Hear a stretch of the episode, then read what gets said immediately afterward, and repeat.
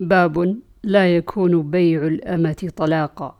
عن عائشة رضي الله عنها زوج النبي صلى الله عليه وسلم قالت كان في بريرة ثلاث سنن. إحدى السنن أنها اعتقت فخيرت في زوجها. وقال رسول الله صلى الله عليه وسلم الولاء لمن أعتق. ودخل رسول الله صلى الله عليه وسلم والبرمة تفور بلحم. فقرب إليه خبز وأدم. من أدم البيت. فقال ألم أرى البرمة فيما فيها لحم؟ قالوا بلى ولكن ذاك لحم تصدق به على بريرة وأنت لا تأكل الصدقة. قال عليها صدقة ولنا هدية. باب خيار الأمة تحت العبد. عن ابن عباس قال رأيته عبدا يعني زوج بريرة. وعنه قال ذاك مغيث عبد بني فلان يعني زوج بريرة كأني أنظر إليه يتبعها في سكك المدينة يبكي عليها. وعنه رضي الله عنهما قال كان زوج بريرة عبدا أسود يقال له مغيث عبدا لبني فلان كأني أنظر إليه يطوف وراءها في سكك المدينة. باب شفاعة النبي صلى الله عليه وسلم في زوج بريرة. عن ابن عباس أن زوج بريرة كان عبدا يقال له مغيث كأني أنظر إليه يطوف خلفها يبكي ودموعه تسيل على لحيته. فقال النبي صلى الله عليه وسلم لعباس يا عباس ألا تعجب من حب مغيث بريرة ومن بغض بريرة مغيثا فقال النبي صلى الله عليه وسلم لو راجعته. قالت يا رسول الله تأمرني قال إنما أنا أشفع. قالت فلا حاجة لي فيه.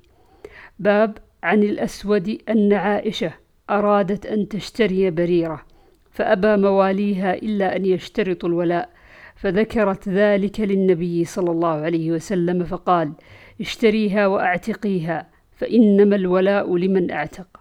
وأتي النبي صلى الله عليه وسلم بلحم فقيل إن هذا ما, تصد ما تصدق على بريرة. فقال هو لها صدقة ولنا هدية. حدثنا آدم حدثنا شعبة وزاد فخيرت من زوجها. باب قول الله تعالى ولا تنكحوا المشركات حتى يؤمن. ولأمة مؤمنة خير من مشركة ولو أعجبتكم. عن ابن عمر أنه كان إذا سئل عن نكاح النصرانية واليهودية قال إن الله حرم المشركات على المؤمنين ولا أعلم من الإشراك شيئا أكبر من أن تقول المرأة ربها عيسى وهو عبد من عباد الله. باب نكاح من أسلم من المشركات وعدتهن.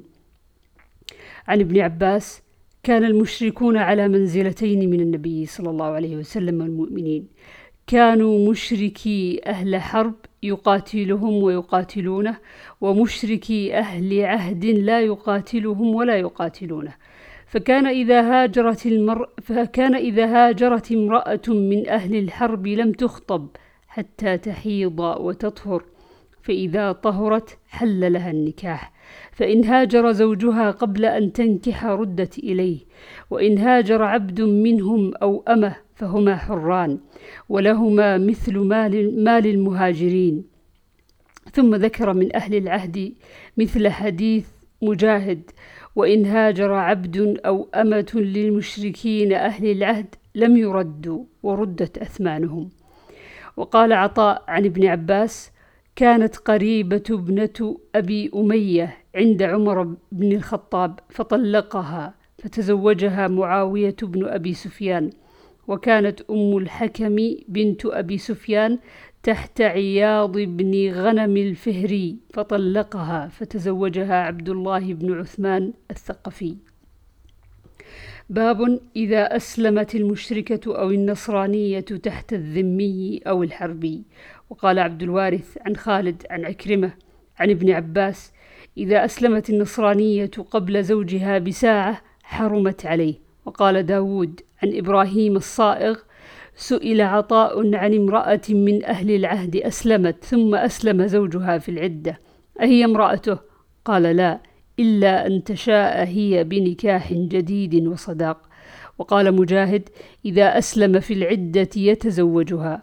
قال الله تعالى لا هن حل لهم ولا هم يحلون لهن.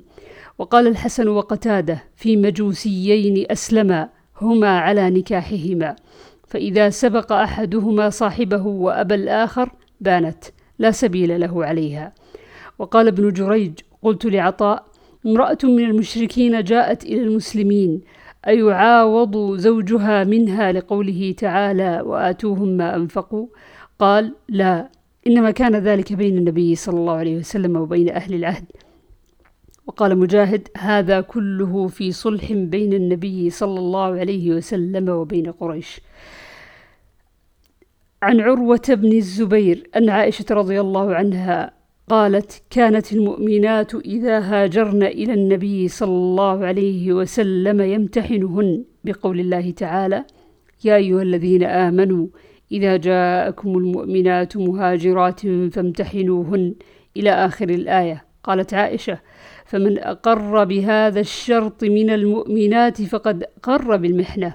فكان رسول الله صلى الله عليه وسلم إذا أقررن بذلك من قولهن قال لهن رسول الله صلى الله عليه وسلم انطلقن فقد بايعتكن.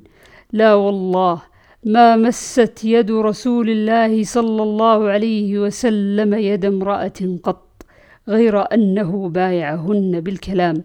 والله ما أخذ رسول الله صلى الله عليه وسلم على النساء إلا بما أمره الله. يقول لهن إذا أخذ عليهن قد بايعتكن كلاما.